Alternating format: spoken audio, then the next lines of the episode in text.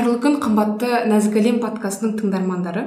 Бүгін бізде қонақта ерекше тұлға. Келгеніңізге келіскеніңізге үлкен рахмет. Енді кім дегенде өзім бір сөз сөйлеммен таныстырып өтсем транзакты аналитика психотерапевті және осы саланың саланы көпшілікке ғылыми түрде таныстырып жүрген қазақстандағы білікті маман. Меніңше енді қазақстанда осы саланы таныстырып жатқан алғашқылардың бірісіз. Мен бұрынды бұрын соңды осындай естімегенмін қысқаша осы енді. Өзіңіз енді оқырмандарға амандасып таныстырып өтсеңіз. Ассалаумағалейкум менің есімім ая нұрдәулетқызы иә мен психологпын. Ә, расында транзакттық анализ бағытында ұм, жұмыс істеймін. Бірақ бұл бағыт қазақстанға бір он жылдай болды келгеніне. А, ну масштабный түрде көбірек қылып көп адам иә өзімнен естіп жатыр соны таратып жатырмын. Себебі бұл бұл бағыттың маған бір ұнайтын ә, фундаменті десек болады. Я окей сен окей позициясы. Ислам тұрғысында біз әр адамға сен де жақсысың мен де жақсымын деп қараймыз ғой. Сондықтан осы бағыттың ұстанымы маған қатты ұнады да. Сол үшін осыны ә, тереңірек зерттеп бес алты жыл болды оқып бітірдім основной оқуын. Қазір еуропада транзакттық аналитик деген өзі бір степені бар соны қорғауға жұмыс дайындап жатырмын. Ол еуропада францияда қорғалады. Күшті керемет машалла. Сонда қай жерлерде білім алдыңыз? Ә, жалпы қазақстанның ә, обычный вуз туран астана. Енді біз психолог болу үшін адам психолог болу үшін өзін жаңағы документ болу керек қой. Мемлекеттік бір университетті бітіру. Сол үшін бітірдім расында. Бірақ негізгі білімді негізгі жаңағы терең психотерапиялық білімді осындай қосымша сабақтардан өттік. Мм керемет күшті. Енді мындай сұрақ. Қанша жылдық тәжірибеңіз бар? Психологияға қалай келдіңіз? Жаңағы айтып жатырсыз бес алты жыл бірінші оқыдым. Сосын францияда білім алып жатырмын. Енді еңбек қорғаймын жоқ жоқ бұл жерде францияда білім алып жатқан жоқпын францияда қорғаймын жұмысты қорғаймын. Франция болғанда бұл европейский ассоциация транзактного анализа деген оның өзінің штаб квартирасы францияда. Ол әр жерде қорғалуы мүмкін бірақ бұл европалық стандарттармен қорғалатын нәрсе. Ол әлі қорғауға ну, біраз жұмыс бар. А, мен психологияға жеті жыл болды келгеніме. Ең бірінші өзімнің жарамды жанымды ә, жаңағы іздеуге сөйтіп келдім. Содан кейін түсінгенім көп мен сияқты әйелдер осындай қиын қыстау ситуацияларда жүргенін білмейді де екен. Өзімнің жаным қиналғаннан келдім расында. Қазір енді егер менің инстаграм парақшамды көрсеңіз біз қазір ютуб парақшамызды дайындап жатырмыз командамен ә, көбіне сол психологиялық салауатты сауатты болуға эмоционалдық грамотный болуға үйретуге миссиям жалпы сол. Күшті керемет. Ә, енді адамдар қазір біз айтып жатырмыз айтып жатырмыз түсінбей қалуы мүмкін. Бірінші сұрақты осылай қояйыншы. Транзакты аналитика дегеніміз не? Транзакттық анализ немесе транзакттық талдау дегеніміз бұл тұлғаның ә, даму теориясы. Бұл теорияны американдық психотерапевт эрик берн шығарған. Яғни көп адам біледі. Бұл транзакттық анализ деген бұл ғылыми өзінің атауы да. Ал шын мәнінде ішкі ана ішкі ата ана ішкі бала ересек внутренний ребенок дегенді yeah, естіп жатқан шығарсыздар? Yeah. осы осы жерден шықты. Сосын ә, треугольник карпмана ә, жертва спасатель тиран дегенді еститін шығарсыздар бұл да осы ә, транзакттық анализ бағытынан шыққан теория. Бір концепциялардың бірі. Психологиялық ойындар ә, сен окей мен окей өмірлік позиция осының бәрі транзакттық анализден шыққан. Егер мынандай жай сөзбен айтсақ енді оқырмандарыңыз соны түсіне, түсіне білер деп ойлаймын. Күшті мен негізі былай кеңес беремін ә, подкаст тыңдамас бұрын. Сіздің ә, тікелей эфирларыңызды иә инстаграмдан қарап алу. Жаңағы я окей ә, все окей и мир окей иә. Мир окей. Бұл осыны түсінген кезде прям рахаттанып қалдым да. Соған кеңес беремін оқырмандарға. Енді келесі сұрақ мынадай эгоның үш жағдайы состояниесі туралы айтып берейікші сіздің парақшаңызды оқығанмын ыыы осы оқыған осы балансты қалай ұстаймыз? Жалпы эго дегеніміз не? Эго yeah. Иә. деген қазақша айтқанда нәпсі деп біле ау, жаңағы аударылады да. Бұл бұл бұл эго мен нәпсінің қарым қатынасы бар бірақ бұл эго күй деп аталады. Яғни адамның психикасының құрылымы үш эго күйден тұрылады. Бұл ішкі ата ана ішкі бала және ересек. Яғни ә, здоровый психика дейді ғой жаңағы сау психикада осы үш күй болады. Енді қараңыз егер біз ә, біреуге әрдайым ренжіп жүрсек ә, немесе біреуден бірдеңкені күтіп жүрсек өзімізге жауапкершілікті алмасақ әрдайым бір жертва позициясына түсіп кетсек мені біреу сөйтті мені біреу бүйтті анау болғанда сөйтіп еді бүйтіп еді десек біз көбіне бала позициясында боламыз деген сөз. Егер де біз өзімізге немесе балаларымызға немесе басқа адамдарға сен осыны істеу міндеттісің ты должен должен я должен мен осыны істеуім керек деп өзімізді через насилие жаңағыдай өмір сүрсек біз өзімізге және басқа адамдарға ә, ата ана позициясында ретінде қараймыз да. Ал ересек дегеніміз мысалы қазір сізбен біз ересек позициясында отырмыз. Саралаймыз ойымызды сезімімізді саралаймыз. Не болып жатыр кім неге жауапкершілікті соның бәрін ойлайтын бұл ересек позициясында бірақ к сожалению өкінішке орай ә, біздің қоғамда көбінесе бұл ересек позициясында қалу өте аз кездеседі. Мысалға базарға барсаңыз немесе соңға барсаңыз біреу біреумен қырылысып ұрысып жатады ғой. Міне біреу бала позициясында да біреу ата ана позициясында а егер екеуі де ересек позициясында болса олар коммуникация ашық коммуникация жасап бір біріне стимул реакциясы яғни транзакциялары дұрыс болса олар любой конфликтный ситуацияны әңгімемен шешуге болады. Бірақ ол үшін біз өз, өз эмоциямызды білуіміз керек. Ну қысқаша айтқанда осылай иә? Yeah. аха. Енді әрқайсысын бір бір ашып өтіп сосын бір мындай сұрақ қойғым келіп тұр да. Осы жерде енді бізге айттыңыз ғой сау психикада сау адамда психологиясы жақсы сау адамда осы үшеуі де болады дедіңіз иә? Демек осы үшеуінде бір баланста ұстау керек. Иә. Yeah. бала мысалы мен кейде байқаймын өзімнен де. Жаңа еркелегім келіп да мысалы ата анамызға деген сияқты. Ол бұл бала состояние это нормально. Бұл нормально. Или отырып отырып шоколад жегіміз келеді деген сияқты иә. Бұл осы бір состояние. Екінші ол ата ана болып кету. Мысалы мен сіңліме қамқор бола аламын. Иә бауырларыма қамқор бола аламын. Бұл ата ана состояниесі одан кейін ересек.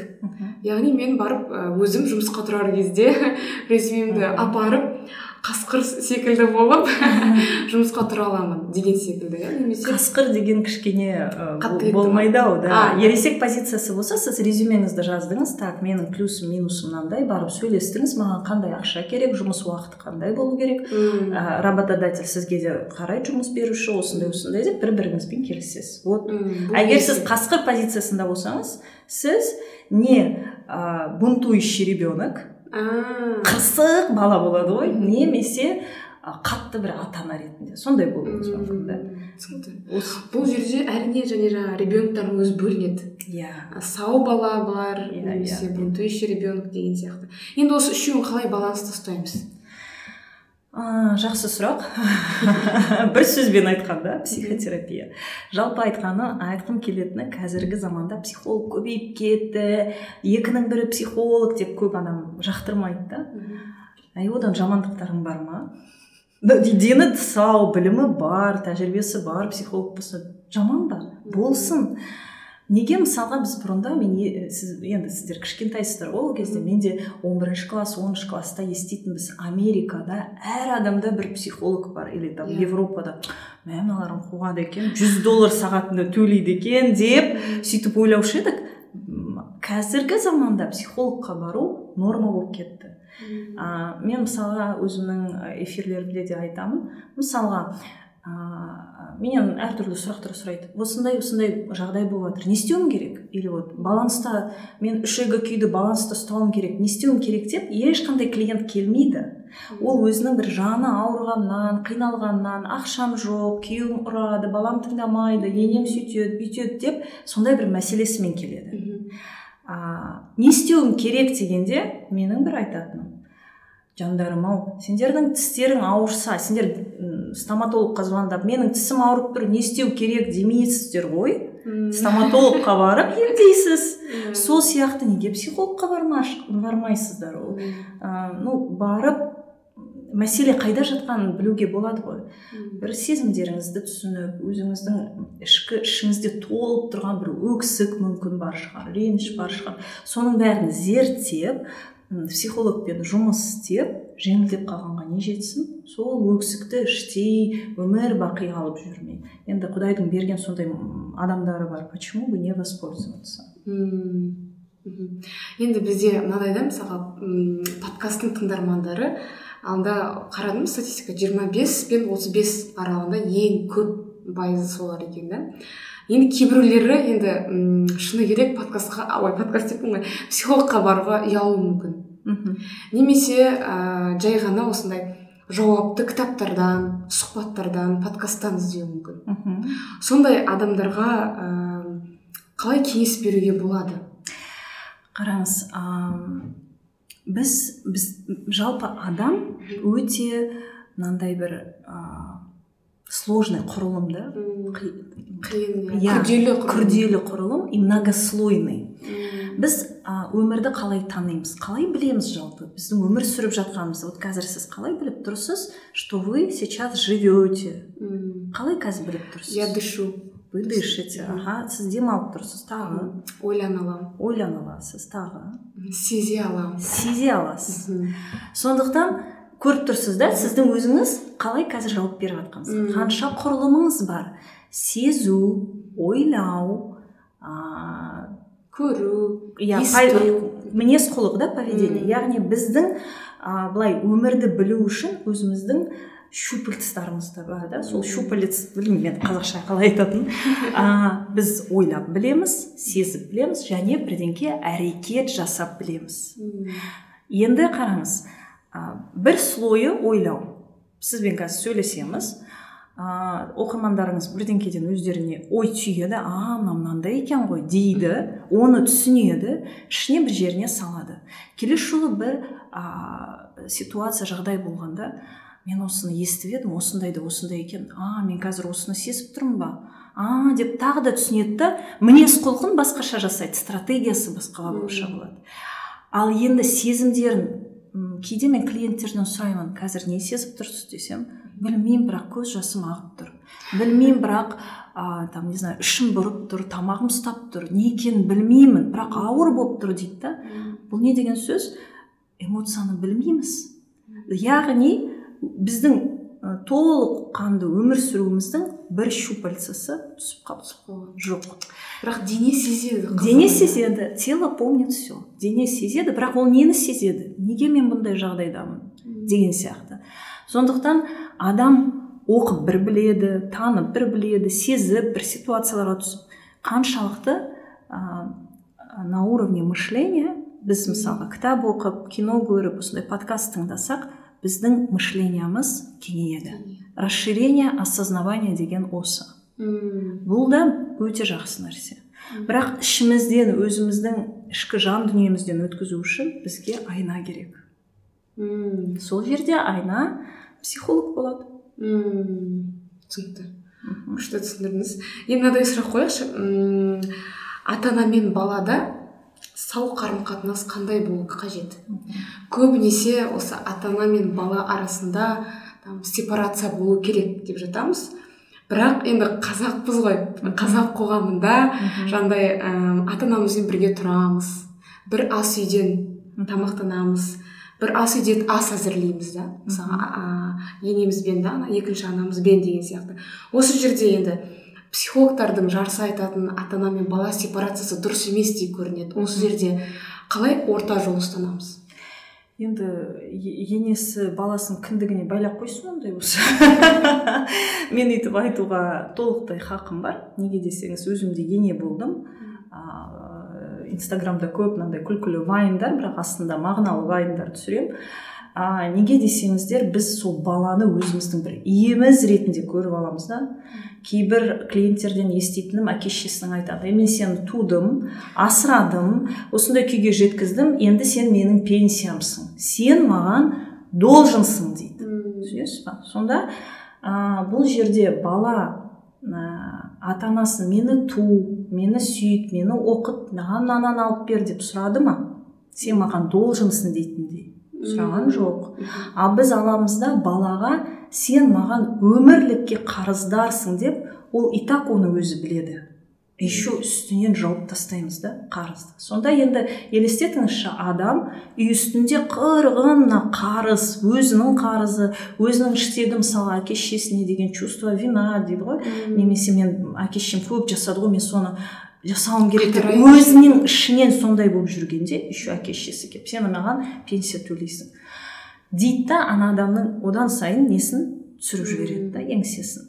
Енді біз ата ана ретінде баламызға не жасауымыз керек? Қалай ойлайсыз? Ә, сенімділік беру керекпіз. Өзінің жеке тұлға екенін түсіндіру иә керек. біз ата ана ретінде балаға өмір бердік па махаббат беріңіз. Махаббатты ешқандай условиясыз ешқандай шартсыз. шартсыз беріңіз. Содан кейін балаңыз өсті ма ай жаным өмірлік жолың жеңіл болсын деп батаңызды дұғаңызды беріңіз да жіберіңіз оқысын өнсін же, дамысын ол өзі жасаған жемісін сізге алып келеді. Сен маған долженсың демей ақ түсінесіз ба? Должен дегенде біз уже оны манипуляцияға кіргізіп қоямыз да. А ол жерде іштегі баланың өзіне конфликтісі пайда болады да. Сондықтан енді қазақта сепарация болмаған деген ол дұрыс емес расында. Сепарация болмаса онда ол тоғыз ай емес өмір бақи ішінде қарынды жаңа қалжыңдап айттым ғой онда кіндігіне жабыстырып қойсын деп. Сепарация процесі бала қалай ананың ішінен шығады все басталды. То есть тоғыз ай біз баламызды іш- ішімізде ә, жүрдік иә? Ә, тасыдық деп айтқым келді. Вынашивали. Бала туылды кіндігі кесілді міне бірінші сепарация кетті. Содан кейін а, бала емшекте болады емшекте ол өмір бақи ембейді. Ол да бір екі жасында емшектен кетеді. Сепарацияның екінші кезеңі кетті. Содан кейін или аяғы шыға бастайды да уже қашып әрі бері жүгіріп бастайды. Міне тоже сепарация.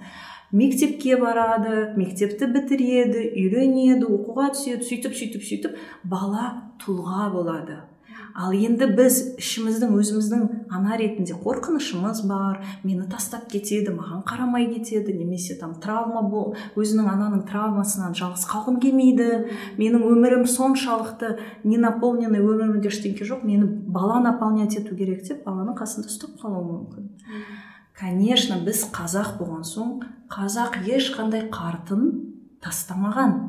Бұл жерде ә, мәселе тек қана физикалық сепарацияда болмай тұр ғой. Егер де ата анаңыз қарт болса ауру болса сіз оны тастамайсыз тастамау керек керек даже. Но еще психологиялық сепарация бар. Яғни ол не? Ә, мысалға менде мынандай бір жағдай болды да. Қырық жастағы әйел төрт па бес баласы бар. Киім кешек бірдеңке алғанға анасына звондайды. Видеомен. Мама қарашы мына жерім мынандай көйлек алсам бола ма? Мама мынандай бола ма? туфли алсам деп. Неге олай жасайсыз десе мен өзім таңдай алмаймын дейді. Міне это что значит? Анамның ә, или біреудің анасының орнында тұрған. Ол енесі болуы мүмкін подружкасы күйеуі болуы мүмкін. Біреудің мнениясына ә, завишу тәуелдімін. Біреудің мнениесіне тәуелдімін. Бітті. Психологиялық сепарация жоқ. Или кейде ә, кейбір қыздар шетелде тұрады бірақ анасы қазақстанда қалып қалған. Соны айтады да мен бірдеңкені ішіп жесем анам жемеді ау или әкем осындай жерге келмеді ау деп уайымдайды. Сонда ол қалай уайымдайды? Бұл менің балаларым сияқты мен балаларыма бірдеңке бермедім ау балаларыма көрсетіп вот ол білмеймін европа америкада тұруы мүмкін. Бірақ егер де мынандай ішінде сол кінә сезімі өзіне кінә сезімі болса психологиялық сепарация жоқ. Поэтому сепарация это не всегда отдельно жить. Даже бір үйде тұрып бір бірімізді тұлға ретінде жаңа басында айтып едім ғой. Я окей ты окей позициясында. Яғни біз ата ана ретінде ей сен қолыңнан келмейді өмір осы ғой сенікі демей е жаным қолыңнан келеді сенемін. Деп просто батаңызды іштей беріп жіберіп отырыңыз. Өзі барып получится не получится? Әйтеуір бір өзінің қателігін жасайды да. И келеді. Ал егер ой мен айттым ғой сен өмір осы сенікі десек болды ана бала уже мен анама доказать етемін мен мынаны доказать етемін деп іштей бірдеңкеге тырмысады. Хорошо если получится. А если не получится то депрессия. То есть енді бұл бір неге келмейді да былай айта берсем көп на самом деле көріп тұрсыз ғой пример өте көп. Ә, бірақтан біз м егер сепарация бұл екі жақты процесс. Бір жағынан ата ананың баласын сен уже ересек адамсың мен саған сенемін давай өз өміріңді өмір сүр деп сеніп жіберу. Ә, и бір жағынан баланікі мама папа мен уже есейдім мен өз өмірімді өмір сүрейін деп оның да өзінің шешімі то есть екі жақты шешім. Менің де балаларым міне ә, жақын арада бір үш төрт апта болды көшіп кетті басқа қалаға. Ә, келінім мен ұлым. И ә, ішімде сепарационный бір тревога болды. Мен енді психологпын бірақ мен де адаммын. Мен де бірақ просто мен қандай процесс болып жатқанын білемін да ішімде. И менің де ішімде сепарационный тревога как будто вот орындары босап қалды ғой мысықтарым да жалып кетті. Сол мысықтың өзін сағынып отырасың ғой енді сипап қоясың. Звондайсың ай жандарым бір хабарласып қойсаңдаршы деп іздеп тұрасың оларды потому что бірге тұрдың. И сондықтан мен аналарды жақсы түсінемін. Бірақ ол балалардың өзінің өмірі бар тіршіліктері бар бірдеңке істеп жатқанына қуанамын себебі менің де өзімнің өмірім бар. Менің өмірім балаларыма байланып қойған жоқ. Вот соны түсінуіміз керек та. Күшті. Және ата анада ата ана деппін ғой ата бабамызда ә, сепарация болмаған деген шынымен де ә, жалған екен иә қазір ғана ойым көзім жетіп жатыр. Себебі бізде он үште отау иесі деген сөз бар. Яғни адам он үш жаста бұрын үйленетін болған ғой тез есейіп. Сол кезде ә, бір жаңа шаңырақ көтерілсе оларға бөлек киіз үй тіккен. Демек жас келінде бөлек кухня иә бөлек ас үй бөлек ә, үй болатын болған. Просто ол кезде енді мы тоже должны тарихи сосын ә, табиғи жағдайларды да көруіміз керек қой. Представьте мен бөлек шығам дейді да келін. Менің киіз үйімді он километр сізден қойып қойыңыз дейді. И сөйтіп ана жерде шошайып бір киіз үй мына жерде шошайып бір киіз үй тұрса как они будут выживать? Мына жақта ә, енді тарихи мы же понимаем что малдары бір там да олар бір тіршілік істейді. Ол кезде ә, қазіргі сияқты өмір сүру оңай болған жоқ. Үйіңде ыстық суың сарқырап аққан жоқ. Ол жерде кәдімгідей енді қиын болды ғой түсінесіз иә, ғой. иә. сондықтан олар көшпенді халық болған соң бәрі қастарында тұрған. Мен жалпы өзім диссертациям ата ана мен бала арасындағы қарым қатынаста транзактік анализдің мағына жаңағы мағынасы важность маңыздылығы. Соны зерттегем и сол кезде тарихи жаңағы деректерге сүйеніп солардың бәрін қарағанмын сондықтан он үш отау он үште отау иесі деп айтады. Бірақ не всегда и не всегда и вообще он үште баланы бөлек шығармайтын ол. Әлі де бала. Бірақ он үштен бастап тәрбиелей бастайтын. Сен бөлексің сен уже тұлғасың деп. Біздің он үш жастағы балалар не істейді қазір? Мамасының қасына жабысып отырады. Және үйленгеннен кейін бөлек отауға дайындаған ғой сен отау иесі yeah, иә, болып yeah. Иә. бастайсың уже айта бастаған да вот установка. Иә тұлғалық установка осы жерде басталады иә. жалпы біз өте дана халықпыз ғой осы жерде білгенді енді сізге мындай сұрақ қояйыншы. Қандай адам психолог бола алады? Сіз енді психология мектебінің қалаушысы ретінде не айтар едіңіз? Бірнеше шәкірттеріңіз бар. Мектебіңіз бар арнайы. Иә мен психологтарды мамандарды оқытамын. Себебі өзім вузда жетпеген өзіме жаңағы қосымша модульдарда жетпейді дегендерді қосып бір интенсивті оқу. Бірақтан психолог боламын және қазір тренд болып кетті ғой бір жағынан. Психолог болып жұмыс істеймін деген адам. Ең бірінші ойлау қабілеті болу керек. Ә, ойлай білу керек мышлениесі болу керек. Ә, сөйлей білу керек. Яғни біздің сөзіміз біздің мышлениямызға қатты байланысты. Және де сезімдерін тани білу керек. Сезімді жаңа айтқандай көп адам білмейді а ол үшін өзіміздің жеке терапиямыз болу керек. Біз мысалы өзіміздің установкамызды убеждениямызды негативный мен де қазір біраз нәрсе айтып жатырмын. Сіз мүмкін естіп жатқан шығарсыз убежденияларды. Бірақ егер де бізде негативный убеждение болса біз и так жаралы клиентке салып тастаймыз да. Өзіміздің винамызды өзіміздің травмамыздан. Егер біз онымен жұмыс істемесек. Сондықтан психолог болам деген адамдар ә, неге дайын болу керек? Өмірлік оқуға. Өмірлік өзін зерттеуге. Және адамның ә, жарасын контейнировать етуге яғни ішіне сыйғызуға адам келіп сізге өз жараңызды айтқанда сіз оны алып по сути ішіңізден переработка жасайсыз да оған басқаша қайтарасыз. Неге психологтан кейін адамдар мен жеңілдеп қалдым деп келеді. Сол яғни барлық сезімдерін шығарып тастау арқылы. Барлығын сезіп шығармау үшін барлығын прям енді шығармайды. Ну даже бір кішкентайын шығарса да ол кәдімгідей жетістік. Мм керемет. Және сіз айтып ғой сезе білу керек өзінің сезімдерін тану керек. Және ә, басқалардың да сезімін бұл жерде сезу керек. Адам жаңағыдай сіз айтқандай мен не сезіп тұрғанымды білмеймін сіздің жаңа келген клиентіңіз вот представьте и алдына клиент келіп тұр ол жылап тұр ол да бетіне қарайды да бұл не сезіп тұр не істеп тұр деп түсінбей отырса.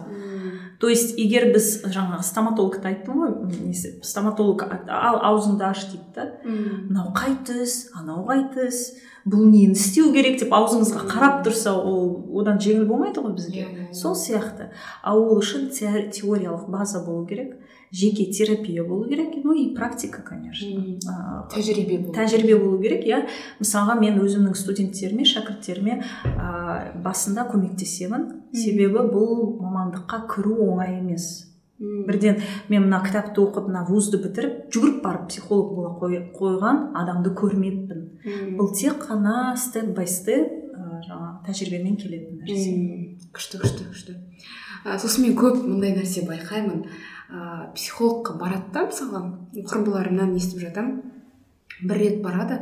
Ол психолог екі сағат бір сағат бойы жараларды емдеймін деп жаралардың бетін ашып ашып тастайды да.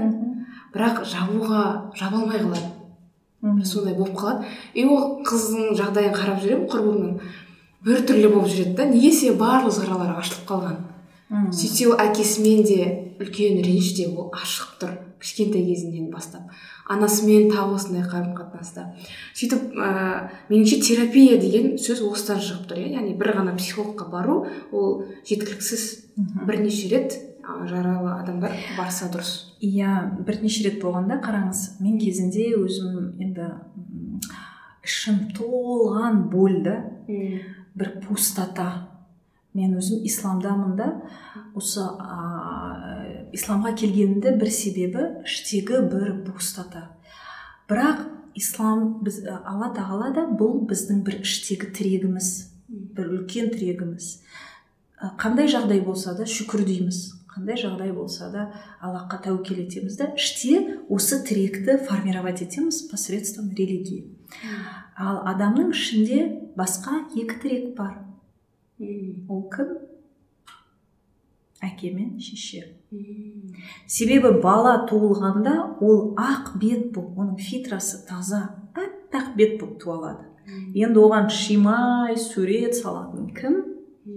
Ата ана сондықтан біз жақсы болсын жаман болсын біз сол тіректі іште формировать етеміз. Опора енді ә, жаңа сіз айтып жатырсыз ғой қопарып тастады деп. Ә, бір психологтардың жұмыстарын мен ештеңке деп сынай алмаймын білмеймін. Ә, даже егер қателік жасаса а қателік психологтарда жасалады. Мен де қатесіз психолог емеспін. Ә, вопрос в том чтобы түсінуге қай жерде қате болды. Енді психолог маған мысалға клиент келгенде мен әрдайым айтамын және өз шәкірттеріме де үйрететінім. Ә, біздің жауапкершілігіміз клиентпен елуде елу. Егер мен дәрігер ретінде мысалға сізге осындай осындай дәріні ішіңіз осындай осындай жаттығу жасаңыз деп жіберсем сіз оны үйден жасамасаңыз сосын келесіз да бір айдан кейін мен сізге ақша төледім он жыл келіп едім түк емдеме еміңіз қонбады десеңіз не деп жауап береді сізге дәрігер. Ей жаным ау дәріңді ішпесең мен айтқан рекомендация жасамасаң қалай емделесің ә? сол сияқты психолог пен клиенттің арасында всегда 50-50 мм. Елу де елу иә.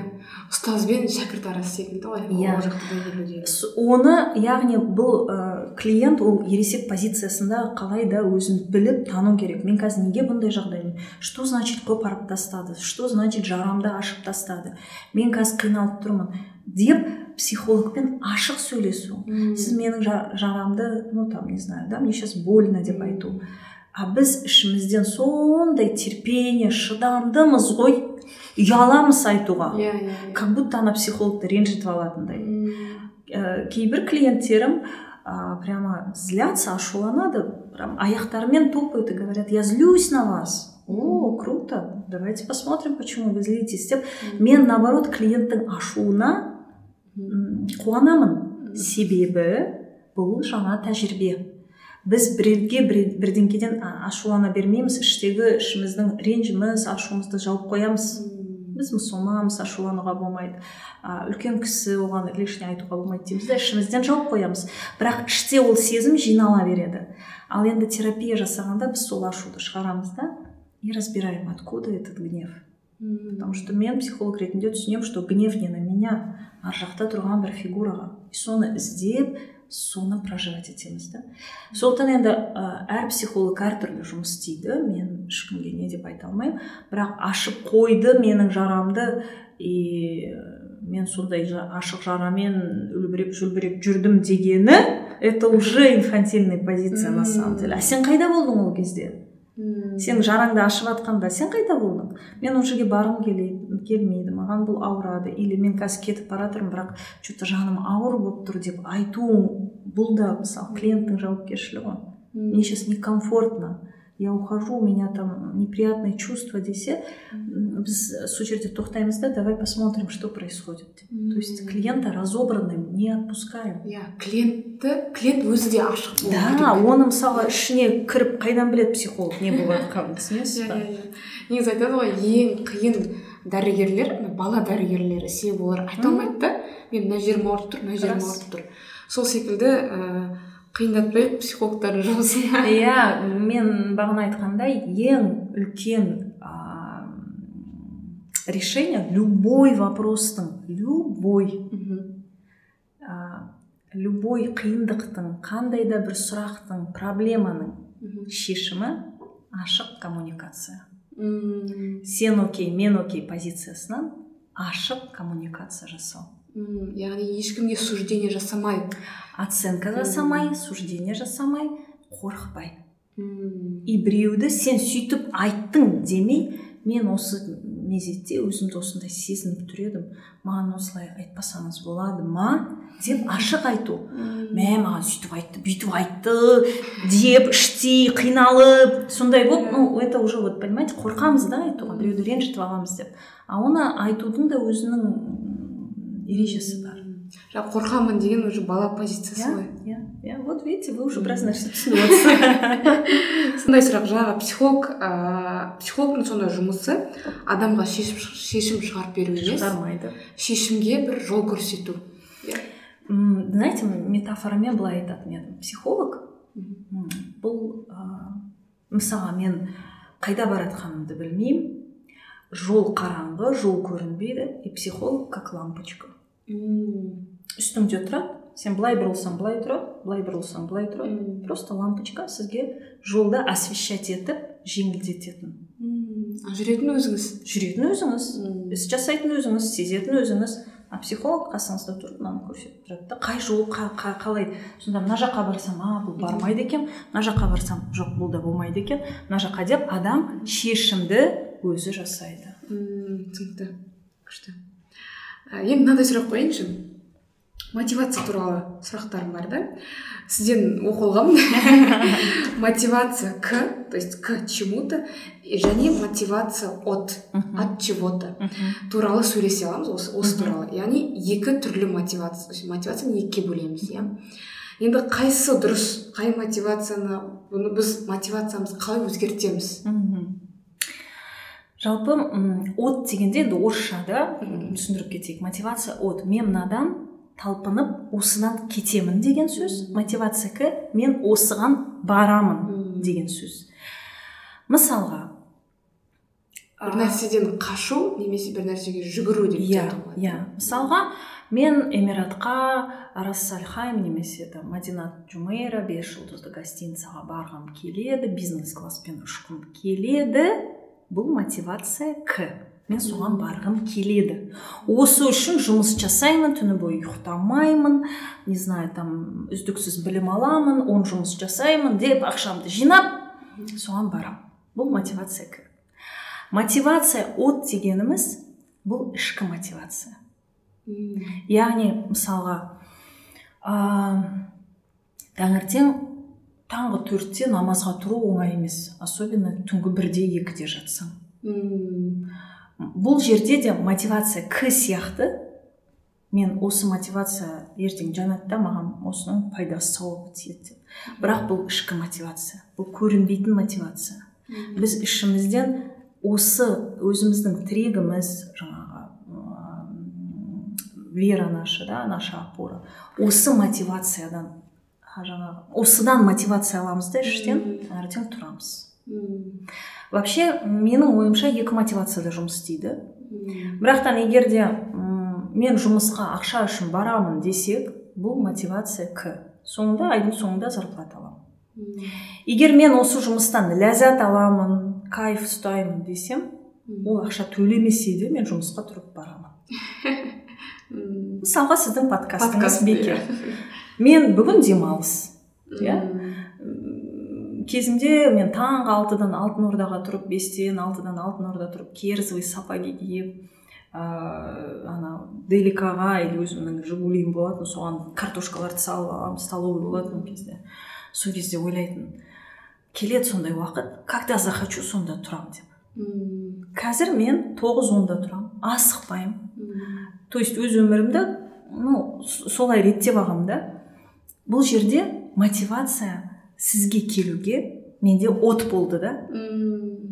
Ерте тұрдым сізге келу үшін. Яғни екеуі де жақсы. Иә просто екі түрлі жерде жұмыс істеуі мүмкін. Тек мотивация к может не работать. Адам бір жерде сынып қалады. Ішкі мотивация болмаса адам сынып қалады. Мысалға ә, әйелдердің жұмысы. Ә, или оны біраздан кейін айтамыз иә біраздан кейін осы әйелдер туралы сөйлесейікші как раз ә, сөз реті келіп қалды. Мен мысалға байқаймын бұрын мен кішкентай кезімде телевизор қараймыз ол кезде енді баян мақсатқызы ләйлә сұлтанқызы экраннан түспейтін.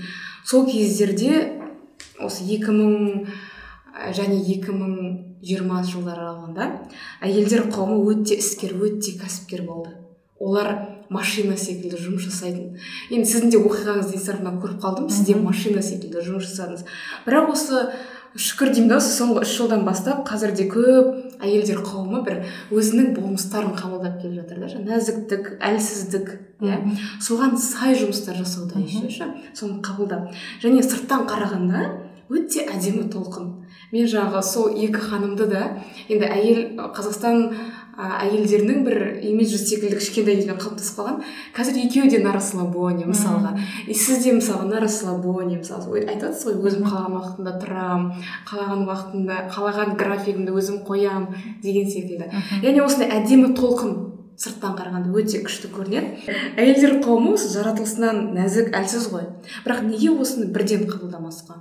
Неге ә, барлығында көрініс болады нәзіктікті әлсіздікті қабылдаған рахаттана өмір сүрген адамдардың бәрібір де пред историясын қарасақ оның алдындағы оқиғасын қарасақ олар машина секілді жұмыс жасаған. Неге бірден осы нәзіктікті мойындамасқа? Әлде осы әйелдер өздерінің мықты екенін дәлелдеп барып нәзіктігіне рұқсат ете ме? Жаннұр мен сіз туралы сұрақ мен мен психолог болған соң адамға сұрақ қойғым келіп отырасыз да? Өзімнің сондай профдеформациям бар. Сіз өзіңіз туралы сұрақ қойсам қазір бола ма? Әрине болады а, сіздің жасыңыз қаншада жиырма екі. Жиырма екіде. А сіздің а, үйдегі моделіңіз қандай еді? Ана мен ата, ата анаңыздың ата анаммен меніңше взрослый позицияда болдым. Жоқ. А, ата анаңыздың өмір сүру моделі қандай? Анаңыз күні бойы жұмыста әкеңіз жұмыста или анаңыз үйде әкеңіз асырайды или наоборот қандай болды ә, папам директор болды бір мектептің.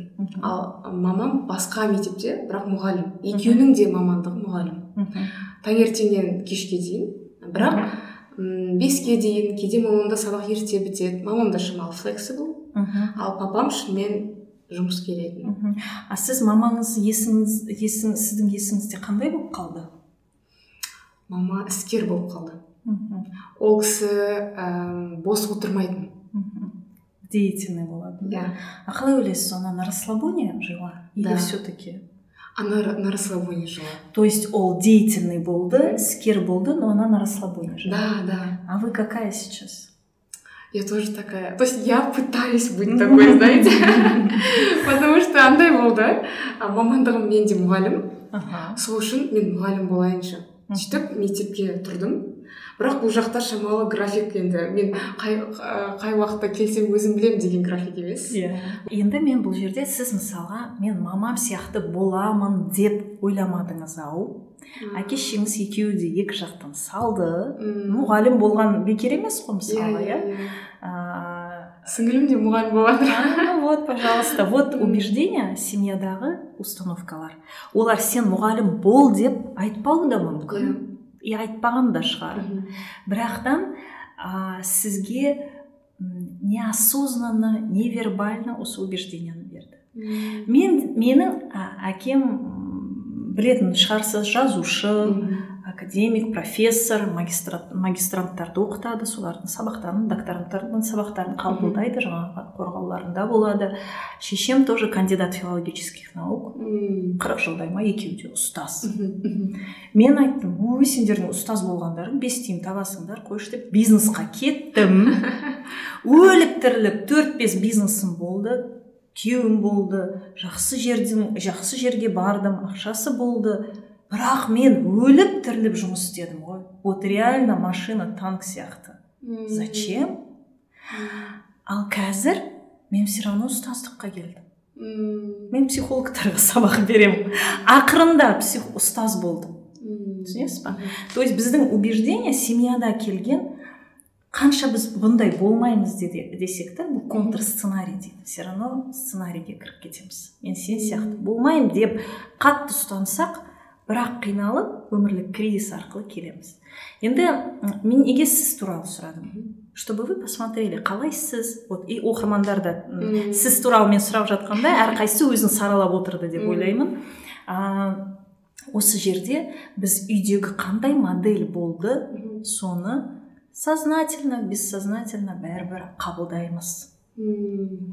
жаңа айттым ғой бала деген таза парақ оған жазатын біз ата анамыз. А, и сіздің қазіргі тенденцияңыз 22-десіз енді енді а, мозг только формируется к 25 годам. А, то есть сіз басқа рольдерді көрдіңіз басқа әйелдерді көріп жатсыз басқа адамдарды көріп жатсыз. А оказывается так можно? Новая ячейка появилась Да, мида. ого мыналар на расслабоне өмір сүреді екен и причем ақша жақсы. О я тоже так хочу. И что я для этого должна сделать ну ка ну ка деп ойласа бастайсыз понимаете? Бұл основной емес бірақ ол ячейка уже бар. Өзіңізде миыңызда бір шкафчиктер болады ғой Иә, уже новый шкафчик там появился. М. или вот эти женщины когда өзгереді өзгеріп жатыр ғой мысалы тенденция қалыптасқан әйелдер ә, нәзіктігін қабылдап жатыр да? Иә енді бұл нәзікті қабылдау қараңыз. Ә, ашаршылық кезінде болды. О какой нәзіктілік речь скажите? Там надо было выживать. Ашаршылық адамдар нансыз өліп жатыр қатып жатыр. Ол жерде просто әйелдер еркектермен бірге жұмыс істеді. Тірі қалу керек. Тірі қалу керек болды. Соғыс. Какой нәзіктік еркек жоқ. Әйелден адамдарға не істеу керек болды? Еркектің орнына еркекті басып жұмыс істеу керек болды. Просто надо было выживать балаларын қамтамасыз ету керек. Енді сол тенденция міне қырық бесінші жылы соғыс бітті ма восстановление экономики еркектер жоқ көбісі қырылып қалды. А, қазір міне қанша жыл өтті? Жетпіс да? жетпіс. Жыл. Всего лишь жетпіс даже бір ғасыр да өткен жоқ. То есть біз енді енді а нам не надо выживать. Біз аш қалмайды екенбіз. Бізде ол генетикада қалып қалған да. Вроде бы қазір расслабиться можно ертеңгі нанымыз бар екен үйіміз бар екен деп уже расслабиться ете бастаймыз да. Бірақ соның өзінде ә, егер кімнің как его аталары бабалары сондай қатты ашаршылық қуғын сүргінге не істелсе соғыстан қайтып келіп все равно генетически іште қалады бір тревога. Аш қаламын деген. Қазақтар бұрыннан мысалға малды сояды да бір жылға әйтеуір тамағы бар. Иә? Жылқыны сояды қазір де жылқы деген холодильниктерде магазиндерде толып тұр. Бірақ біздің салтымыз соғым соямыз да бір жылға өзімізге етті обеспечить етіп қоямыз. Yeah. это же тоже какой то процесс психологический понимаете? Азығымыз бар. Ана тревоганы жабу керек да. Қалтамызда миллион теңге болса әйтеуір үш төрт ай аш қалмаймыз. Уф деп тревога снижается.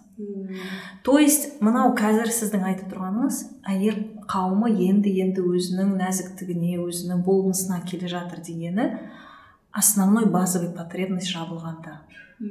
Барлығы емес. Кейде мен кеше ә, базарға бардым фрукт анау мынау алғанға. Соның сыртынан бағамды адамдарды. Бағып саралаймын сіз сияқты жас қыз бір жәшік бір немене не знаю что там было жәшік овощтарды көтеріп жатыр. Әрқайсысында бір кем дегенде бір бес он келі шығар соны қарап тұрдым да өзім есіме түсіп кеттім. Как я это делала? То есть сіз мені көрдіңіз баянды көрдіңіз ләйлә сұлтанқызын көрдіңіз блогерларды көріп жүрсіз на расслабоне деп. А сіз халықтың ішіне барып көріңізші. К сожалению есть такие женщины которым мечтать про это надо потому что у них модель другая.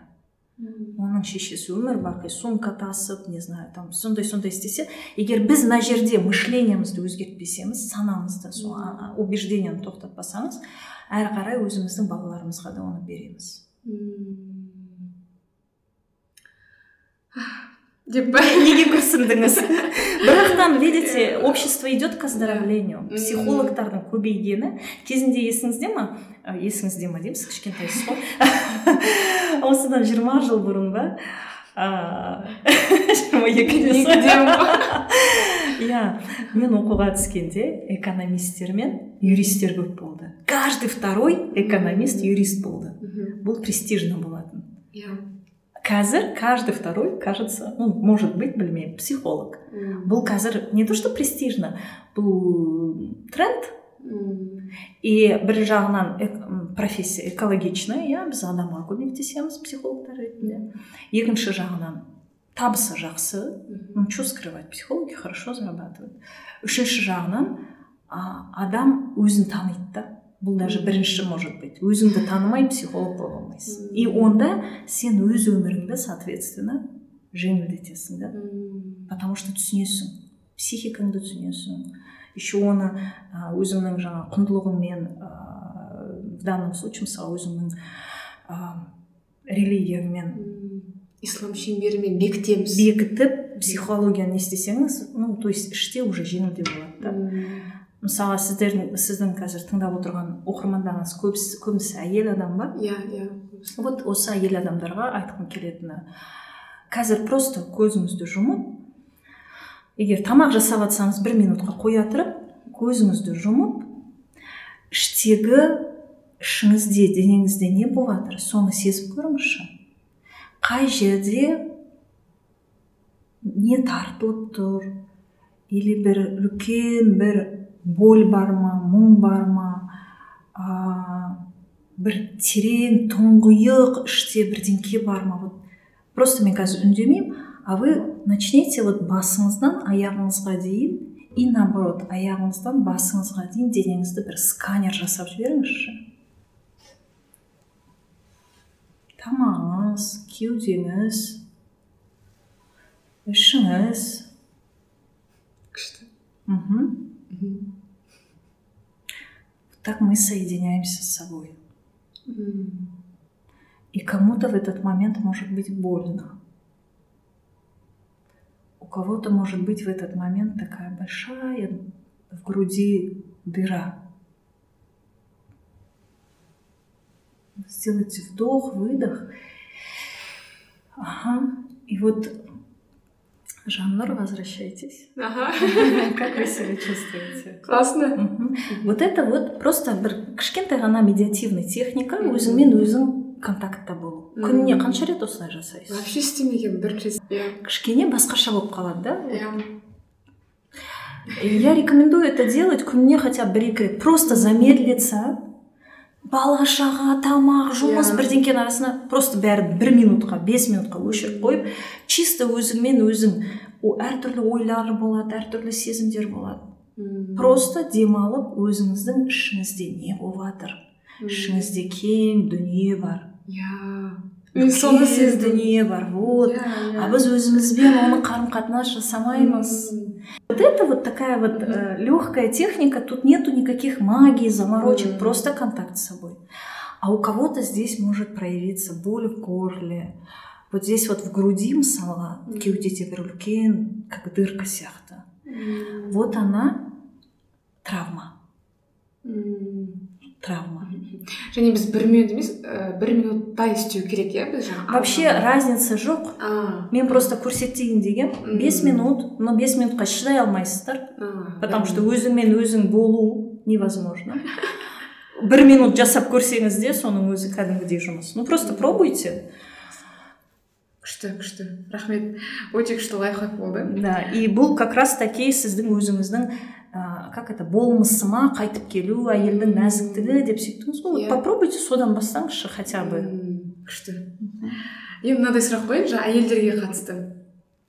Әйел мен ақша туралы сөйлесейікші. Әйел- а почему только әйел мен ақша давайте еркек пен ақша туралы біздің әйелдердің бір несі ғой мен кеше ғана сториста айтып жатқанмын мен бірдеңке дұға жасап бірдеңке техника жасасам менің күйеуім ақша таба бастайды. Или сұрақтар мынау э, диванда жа- жатқан еркекті қалай көтеремін қалай оған ақша тапқызамын деген сияқты. Маған сондай бір техника беріңізші деген енді сондай сұрақ көп келеді неге тек қана әйел мен ақша дегім келіп тұр да? Білмеймін әйел өзі үшін ақша таба беретін сияқты. Конечно. ер адамға араласпау керек не істесе де өзі білсін бірақ отбасын асырау керек. Өте дұрыс. Бірақтан енді отбасын асырағанда сізді сіз күйеуге шығасыз ғой иә енді иә? шыққанмын. А шықтыңыз да? Ой кешіріңіз просто не знаю. А вот хорошо тіпті жақсы. Күйеуге шықтыңыз. Күйеуіңіз сізді асырау үшін қанша тілім нан қанша түйір ет алма күніне сізге беру керексіз. Мені асырады деп айтатындай. М, ол мені и так асырайды ә, квартира ақшасы то есть біз жалдамалы пәтерде. Соны төлейді? төлейді яғни иә. М, квартплата сосын тамақ. Мгм. то есть в принципе Иә, сіздің базовый потребность базовый потребность осы менде иә. Аха а егер бұл идеальный базовый потребность. Сіз үйге ваза гүл салфетка. Бірдеңке аласыз ба ә, аламын бірақ оны өз ақшамнан ала саламын иә а күйеуіңізге ол керек па? Керек емес ол иә керек емес мына үстіңіздегі костюм әдемі сақинаңыз сізге керек па? Иә күйеуіңізге керек жоқ. Бірақтан ер азаматқа әйелінің әдемі болып тұрғаны иә өзіне деп свежий болып тұрғаны енді үйінде. Или жақсы киінгені ер азаматқа бір ә, достижение мен бұл әйелді киіндіре алдым. Жаңағы базовый потребностін жаптым деп өзінің ер азаматтығы екенін өзіндегі мына жерде эгосы бар ғой. Соны жабады да мен бұны істей алдым деп. И это круто. Красавчик сіздің күйеуіңіз и сіз красавчиксіз потому что говорите шүкір бәрін жауып жатыр а как бы вы сказали бы что то сен мені ресторанға апармайсың әні бәрі инстаграмда эмиратта жүрсе неге мені эмиратқа апармайсың десеңіз күйеуіңіз қандай болады то есть ол айтады жаным ау қолымнан келгенді істеп жатырмын ғой неге мені құнсыздандырасың деп айтуы мүмкін. Ашық коммуникация. М. айтпауы мүмкін ішінен «і» деп қалады да қой барып мына әйелге эмират пен гуччиді жасайын деп барып жұмыс істеп бірақ ішінен өзін бір неудовлетворенный өзінің бір құнсыздандырғанын сезінеді. Яғни егер біз бірдеңке өзіміз қаласақ қазіргі заманда инстаграм деген құдайдың бір берген несі болды ғой? Любой моментте ұялмасаң сатамын деп өзің туралы заявлять етіп өзіңнің ценностіңді білсең ақша жасайтын площадка. Бірақ біз өзіміздің ой ақша сұрау ұят или бір блогер бірдеңке сатып жатса мыналар өмірі бірдеңкені сатып тықпалап жатады деп өзінің убеждениесін айтып кетеді. А ол тіршілігін істеп жатыр. Молодец красавчик. Біз неге мысалға магазинде қанша базарда или магазинде нан бірдеңке сатып жатыр сен наныңды тықпалап жатрсың деп не істемейміз ғой? Сыртынан өтіп кете береміз. А бірақ инстаграмда біреу бірдеңке сақина там не знаю бір киім курс сатып жатса бұлар өмір осы сатып жатады деп ренжиміз соларға еще. Сата берсін. Енді мәселе қайда?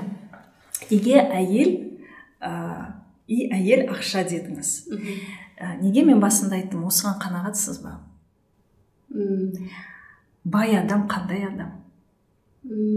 Шүкір ете білетін адам. Иә қанағат ете білетін адам. Ол бай адам. Қанағатсыз адам қанша миллион болса да қанағаты тоймайды а іште өзінің удовлетворение болмайды да. Бірақ если это глубинно взять егер тереңірек алсақ бұл ә, қазір бір айтам. Көп адамға кішкене триггер болып кетуі мүмкін. Бұл ә, ананың жетіспеушілігі. Ананың балаға деген бермеген қауіпсіздігі.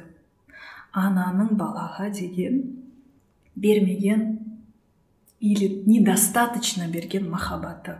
Біз соны аламыз да мынау іштегі пустотаны іштегі обесцениваниені іштегі критикамызды ақшамен жабамыз деп ойлаймыз. А мен ә, әрдайым бір марғұлан сейсенбайдың күшті бір сөзі бар. Әрдайым өз тренингтарымда айтамын. Керемет қып метафора жасаған. Вот прямо вот прям красавчик. Соны хочу сказать. Оны может сіздер естіген де шығарсыздар.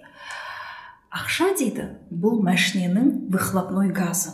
Біз рульде келе жатсақ біз жолға қараймыз қайда бара жатқанымызды не істеп жатқан. Ақша сол артынан шығып жатқан выхлопной газы. Метафора. Иә күшті күшті айтқан то есть егер біз ол выхлопной газды артқа алдыға не істейміз ақша емес алдыға бара жатқанда. Ол сіздің ішкі құндылығыңыздың ішкі қауіпсіздігің ішкі ішіңіздегі жалпы сіздің өзіңіздің мен дегеннің. Мен специалист мен психолог. Сіз мысалға мұғалім журналист. Сол құндылығыңыздың нәтижесі. Қаншалықты мен жақсы өзіме специалистпін. Күшті.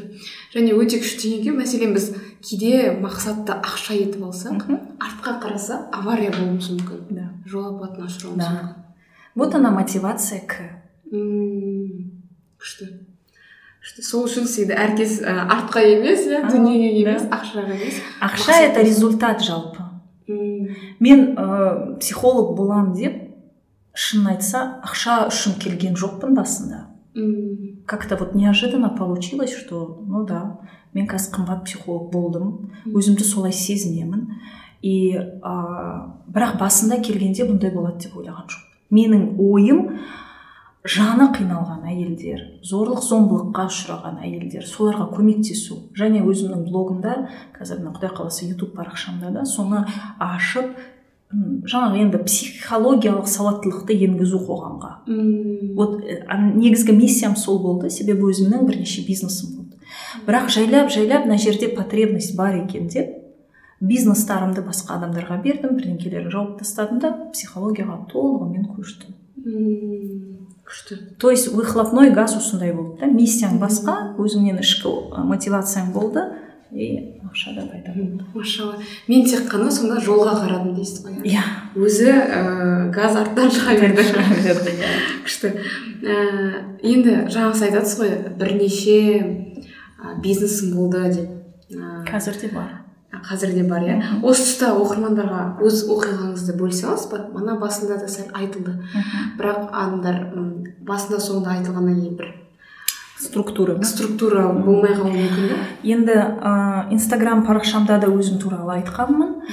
Ә, мен жалпы ә, 19 жыл некеде болдым екі балам болды бар қазір құдайға шүкір. Бірақтан ол некеден ажырасып кеттім. Енді сейчас скрывать что некеде иә зорлық болды зомбылық мен оны норма ретінде қабылдадым. Расында оказывается это не норма. Ә, и, и мысалға қазіргі менің білімім қазіргі өзімнің травмаларыммен жұмыс істеп қазіргі неде мен көп нәрсені түсінемін да ол жерде менің де қателігім болды. Бірақтан ешқандай адам ешқандай адам не только әйел зорлық зомбылық жасауы нельзя в общем нельзя терпеть насилие. Вот это основное шыдауға болмайды қазір соңғы кезде естіп жатқан шығарсыздар әлеуметтік желіде прям қатты айтып жатыр иә? Күйеуі әйелін ұрып өлтіріп тастады. Күйеуі әйелін ұрып төрт баланың арас, алдында не істеп тастады жаңағы тоже да мерт қылды. Сондай сондай ситуациялар көп. Енді ол бір күнде ақ ұрған жоқ ол постоянный ә, систематический сонда біз әйел адам ретінде оны тоқтата алмаймыз да. Неге? Мысалға маған сондай клиенттер келеді. Бір ең деген ауыр деген клиентский кейстің біреуі. Бұл ә, әйелді ұрады күйеуі ә, атасы ұрады енесі ұрады еще и балаларын ұрады. Ана балалары екеуі де біреуі зпп жаңағы задержка развития а біреуі ну тоже сондай не то есть семьядағы напряжениядан баланың денсаулығы дұрыс болмайды да. То есть не үшін шыдайсыз. Мен мысалға насилияны көрсем ондай семьяны сақтаудан көрмеймін нені. Конечно адам өзімен өзі жұмыс істесе мүмкін ол зорлық зомбылық қоятын да шығар. Және бұл жерде бірінші очередь психолог әйел адам емес еркек бірінші болу керек болып тұр ғой. Жоқ. Да. Жоқ біз мына жерде қателесеміз неге десеміз потому что ол ер азаматты устраивает что он бьет женщину. Кого не устраивает? Женщину не устраивает. Ол мысалы өзінің тоже ер адамның өзінің бір травмасы бар шығар өзінің бір проблемасы бар. Жұмыстан бірдеңкесі болмай жатқан шығар. Келеді да далада спокойно жүреді. Келеді да үйден әйелінен өшін алады. Енді мәселе неге әйелі үйтіп өзін ұрғызып отыр? Балаларын еще сонда мен сұрағаным а что хотите? Не қалайсыз. Мен семьямды сақтап қалғым келеді дейді. Не үшін шыдап жүрсіз? А, балаға әке керек дейді. Аха. А балаларыңыз қандай обстановкада өсіп жатыр? Ну постоянно осындай қырғын ұрыс. Сонда балаға әке шешесінің өйстіп ұрысып қырылысып жатып бір бірін тепкілеп ұрып еще балаларды ұрып ол да өзі нервысы уже расшатанный там расстройство личности скорее всего. А әйел ә, балаларын өзінің балаларын ұрады.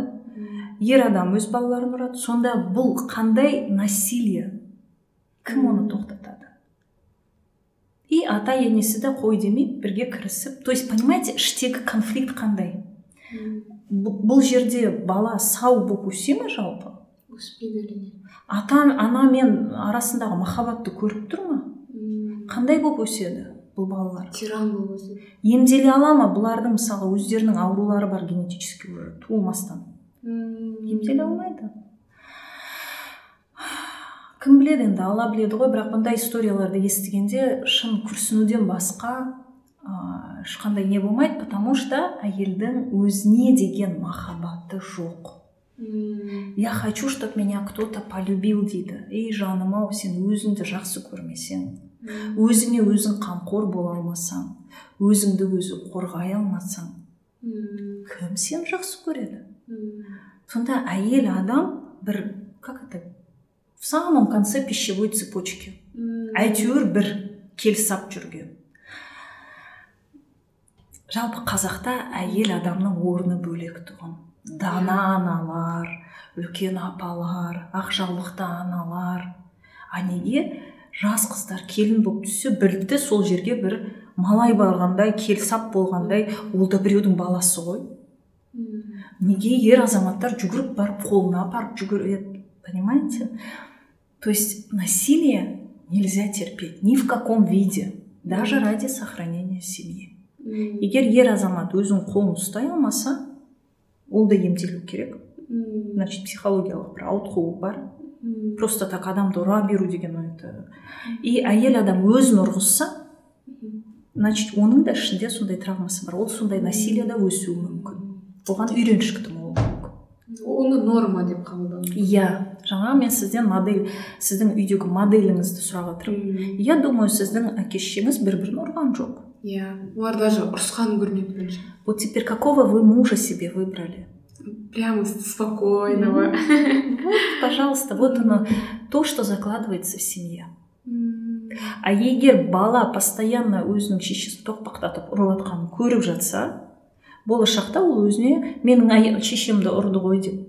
Или бір ә, клиентім ә, осындай ә, неден кейін көзі көгеріп үйіне қайтып келсе әкесі айтыпты ештеңке жоқ сенің шешеңді мен де ұрдым ғой қайт бар деп қайтарып жіберіпті сондықтан біз қыз баланы ә, тек қана күйеуге шығатын не знаю там сондай бір әйел болу керек осы отбасыда ішінен күлмен кіріп көмірмен шығып тек сүйегің шығу керек деген нені қою керек та?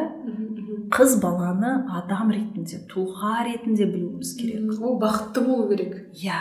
Бақытты болу керек. Әйел адам бақытты болса бала да бақытты болады күйеу де бақытты болады. Мынау қазақтың мақалына мен вот прям қарсымын. Сен бұл үйге өзім бақытты боламын деп келме? Сен осы үйді бақытты жасаймын деп кел. Осыны вообще қояйықшы осы мақалды. Я не знаю қайдан шыққан. Әкемнен сұрамасам осының тарихы қайдан шықты? Неге әйел адам басқа жерге барады да сол отбасыны бақытты қылу керек? Ал отбасы өздігінен бақытты емес па не сонда? Сонда бір ғана әйел нәп нәзік? Вот. күллі әулетті бақытты ету керек. Вот. Енді конечно оның ішінде әйелдің күлімсіреп тұруы алдынан бір шайын құйып беруі бір жаңағы сыйлап сыпайы болып тұрғаны это все норма. Но стараться біреу бақытсыз адамды даже вот мен кәсіби психологпын. Мен сіз бақытсыз болсаңыз ойбай мен бақытты жасаймын десем де істей алмаймын сізді понимаете? Иә иә. Сондықтан это нереально. Бұл даже бұл сен ол жерге бақытты бол, болам деп барма осы үй отбасыны бақытты жасаймын деп бар дегеннің өзі бір құдайға бір күпірлік жасағанымыз. Сонда әйел адам не сол алла ма? Иә біреуді түсінесіз ба сондықтан бұл мақалды тойларда естісем прям денем тітіркеніп кетеді ой алла сіздер қойыңыздар сіздер де болашақ анасыздар сіздер де мына тыңдап жатқан қауым уже ана бұлар да мысалға өседі кішкентай балалар деген келеді ғой. Айтпаңыз сондай нені? Сонда басқалар да айтпайды әйелге ондай жүк артпайды. Және осы жерде осы мақалға сәйкес қазақта тағы бір мақал бар тастай батып судайсың осы мақалдың мен астарын сұрадым. Бірден бір психологтан және өте қазақы кісі. Ол айтады тастай бату үшін ол барған жер сондай жұмсақ болу керек екен да. Барған жер. барған жер. Қандай керемет. барған жерге месседж кетіп жатыр да. Да, да осындай болыңыздар. Точно. Тастай қатты жер болса қалай батады ол батады ғой иә. Тастай батып ал судай сіңу үшін мамық сондай жұмсақ болады ғой бір мақта секілді болу керек сондай мақтаға ғана су сіңеді. Қатты жерге тас жерге су сіңбейді. Сол барған жері жұмсақ болсын деген мағынада айтыпты да қазақ негізі. Бірақ біз оны бертін келе осылай жасап алыппыз тастай иә. батып судайсың яғни білмеймін қалай болсаң да бірақ сол шыда. шыда иә. Жоқ шыдау керек сабырлық керек бірақ әр нәрсенің өзінің орны бар. Рахмет өте күшті жауаптар болды қайырлы болсын өте күшті талдау болды бұл бізде негізгі бөлімнің аяқталуы біздің сіздің мамандығыңызға сай психологиялық сұрақтар көп жиі қойылды ә, келесі сұрақ осы күтпеген сұрақтар айдар блиц сұрақтар көбіне бізге қызық айтайын ә, келген қонақтар осы соңғы айдарда көп ашылып бастайды енді ол оның алдында тек қана мамандығы жайында а здесь как личность да иә мына жақта бір тұлғалық ретінде бір бет ашылады. Ә, сондай сұрақтар қояйын. Бірінші сұрақ анаңыздың қандай қасиетін қыздар үшін үлгі етіп айтасыз? Менің анамның сіздің анаңыздың. Пысықтығын күшті. Және даналығын менің шешем өте дипломат. Сондай дипломат адам ә, жақсы коммуникацияда бола алады да. Әр адамды баурап ала алады. Сізге де берілген секілді. мүмкін. Күшті. Екінші сұрақ ә, кішкентай әдеттер өмірімізге үлкен өзгерістер алып келеді. Мысалға атом хаббис деген кітаптар бар да мысалы атомдық өзгерістер. Сізге көп пайдасын алып келген қандай әдетіңіз бар? Намаз. Ә, бұл енді кішкентай әдет деп айта алмаймын бірақ намаз адамды дисциплинировать етеді. Және өзіңмен өзің алламен өзіңмен өзің қарым қатынасты жөндейді ә, және де егер мынандай күнделікті әдет мысалға егер біз ә, тісімізді оң қолымызбен ә, тазаласақ бір күні сол қолмен. Егер мен мысалға бір әдеттегі жолмен жүрсем басқа жолмен жүру. Қызық. Иә. мидың басқа участоктерін активировать үшінші сұрақ. Ә, басында ұнамсыз көрінгенмен нәтижесі сіз үшін қайырлы болған бір оқиға. Ә... осы сұрақты жақсы көремін бар ғой адамдар бұл жерде осыдан бір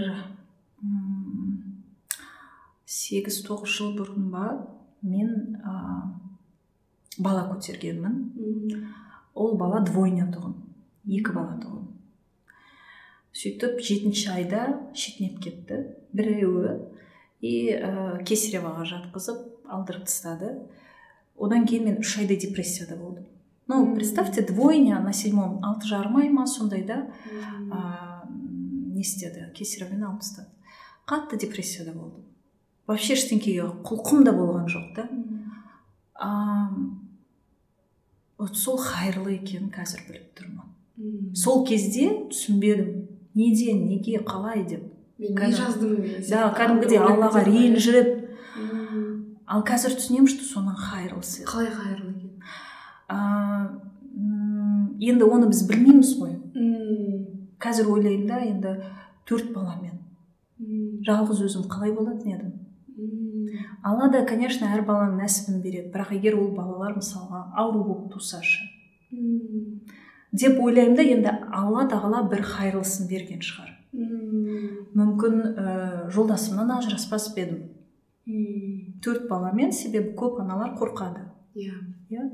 Сондықтан ә, қазір ойлаймын ол кезде ауыр болған нәрсе бірақ қазір оның скорее всего бір қайырлысы бар. Және де бұл міне дүниелік және ақыретте бұл балалар мүмкін маған бір жерімнен демеуші болатын шығар иә. Күшті күшті күшті деп оның да қайырлысын ойлаймын иә бір ііі не бар сөз хадис бар иә қателеспесем шетінеп кеткен балалар жәннаттың есігінің алдында тұрып алып мен анамсыз бұл жаққа кірмеймін деп аналарын қатты күтіп тұрады екен. Иә енді бұл ә, мысалға кішкентай балалар которые уже жили там демалды да бірақтан кейбір неден мысалға уже алла тағала дем береді ғой. Ол обычно төртінші айда дейді. иә иә. Иә вот содан кейін уже ол бала как адам ретінде даже оны когда хоронят азан шақырып кәдімгідей жерлейді ол балаларды күшті күшті. Бұл бір аллах тағаланың бір үлкен айтады ғой депрессия оңай емес қой шынымен де. Өзі бір бір бүтін секілді болып кетесіз ғой сонда. Бір үлкен берген жеңілдік. ойлаймын иә. Күшті. Енді төртінші сұрақ қыз баланың миссиясы не деп ойлайсыз? Сіз грандиозный бір сұрақтар қояды екенсіз. Қыз баланың миссиясы деп біз бүкіл мына қазақтарда біз өзіміз қанша миллионбыз бір енді бес алты миллион әйелдің әйелді бір шаблонға кіргізіп тастағымыз келіп тұр ғой сонда. Әр адамның миссиясы әртүрлі. Тек қыз бала емес ұл бала болсын әркімнің миссиясы әртүрлі. Ә, егер біз адамды бір шаблонға келтірсек біз робот боламыз. Бірақтан әр адамның миссиясы енді құлшылық. Ал әйел адам болған соң ә, ұрпақты көбейту. Бірақтан опять же қараңыз бүйтіп айтсам ә, мысалға туа алмайтын әйелдер бар иә енді алла тағала бермеді. Онда сонда ол өзінің миссиясын орындамады ма? Сондықтан біз былай шаблонмен келтіре алмаймыз. Біреу күйеуге шықпады мысалға тоже алланың бір тағдыр беріп жатқан мүмкін. Сондықтан өйтіп прям миссиясы өзімнің миссиясы миссиям қоғамдағы ә, психологиялық сауаттылықты арттыру. Вот өзімнің миссиям осындай. Әркім өзіне жауап берсін дегім келеді. Және осы миссияның төңірегінде подкастқа келдім десеңізші. иә машалла күшті. Енді мындай сұрақ осы сұрақ қатты ұнайды. Барлық адамға бірдей сыйлық бергіңіз келеді. Мен ба иә. Бере аласыз сондай мүмкіндігіңіз бар барлық адамға қандай сыйлық берер едіңіз өз білімімді. Себебі бұл мен қазір сізге айтып жатқан бәрі бір жеңіл әңгіме сияқты иә? Шын мәнінде бұның артында неше жылдық жинаған білімім бар неше оқыған кітабым бар неше миллион салған оқуларым бар. Бұл как сказать выжимка десек болады наверное білімімді в принципе оны беріп те жүрмін рахмет аллах разы болсын сол сыйлығыңызға. Ә, жетінші сұрақ. Арманыңыз қандай? Арманым. Вообще егер кәсіби жағынан алсам психолог то зерттеу жасау ә, бұрыннан бір ойым бар енді ол қаншалықты болатынын білмеймін. Ә, біздің түрмелерде кішкентай балалар өте көп жасөспірім балалар. Ә, сол балаларды түрмелерге отырғызбаудың бір амалын жасауымыз керек. Ол үшін зерттеу жасағым келеді. Ә, түрмелерге барып балалармен жұмыс істеу. Жалпы ну не знаю бұған әрине ішкі бір конкретный трек керек біріншіден ә, екіншіден команда керек зерттеу жасайтын. Енді өзім ойым кішкене қартейгенде мүмкін уже бір қартейген емес енді бір бес он жылда мүмкін осындай бір зерттеу жасайын ба деген бір ойым бар. Арманым десе ну мүмкін осы осы дүниелік арманым осындай. Егер менің хотя бы бір баланың ә, неге жаңағы түрмеге түспегеніне ықпалым тисе осы жетістік деп ойлаймын. Себебі ә, әйелдердің жаңағы сауаттылығын әйелдерге деген жаңа көп нәрсе айттық қой Альберто соны мен қазір уже жасап жатырмын. Бұл арман емес бұл нақты факті а вот арман ретінде именно кәсіби жағынан бұл пока арман болып тұр. Көреміз. И психологиялық университет ашу өте күшті өте күшті апай потому что ә, менде мен көрмеппін психологиялық университет барлығында мысалға сду бұл да ішінде факультеті бар. и көп біздің ә, адамдар московский институт психоанализа дейді томск омск сол жақтарға кетіп жатады сол жақта оқып жатады. Ал ә, конкретно осы саладағы университет жоқ. Иә. Сол ашу арман көреміз қалай болады иә машалла өте керемет арман. Өте биік арман. Армандарыңызға жетіңіз. Ә, сіздің сыйлығыңызға рахмет. Жаңағы сыйлық. Ә, сұрақтарыңызға жауаптарыңызға барлығына рахмет. Өте керемет әңгіме дүкен болды. Аллах разы болсын. Әмин. Әумин әумин сіздің де жұмысыңыз арта берсін. Осындай жаңағы білімді көзі ашық адамдармен сұхбат жасау өзіңіз сол арқылы дамып өзіңіз сол арқылы ә, жетіліп және де өзіңізге ғана емес қанша мың адамға соны таратып беріп жатсыз. И ең ә, несі? Енді естіп жатқан шығарсыз менің қазақ тілім мысалға судай таза емес арасында керемет сөйлейсіз ғой иә. менің тағы бір арманым осы психологияны таза қазақша жеткізу. И сол үшін психологтарды да қазақша оқытып жатырмын. Вот ә, сіздің жаңағы подкастқа шақырғаныңыздың бір несі мен де өзім қазақшамды сусындап прям кайфовать етіп алдым сізбен сөйлескеннен керемет. Сол қазақ тілді подкасттарды дамыта беріңіз. Жақсы спикерлер келе берсін оқырмандарыңыз өсе берсін. Әумин әумин әумин екі дүниеде де қайырлы екі дүниеде де жемісті ә, істеріңіз көбейе берсін. Әмин аллах разы болсын. Подкастты қолдағыңыз келсе төменде реквизит көрсетемін. Сол жақта қолдай аласыздар. Ендеше сау саламатта болыңыздар.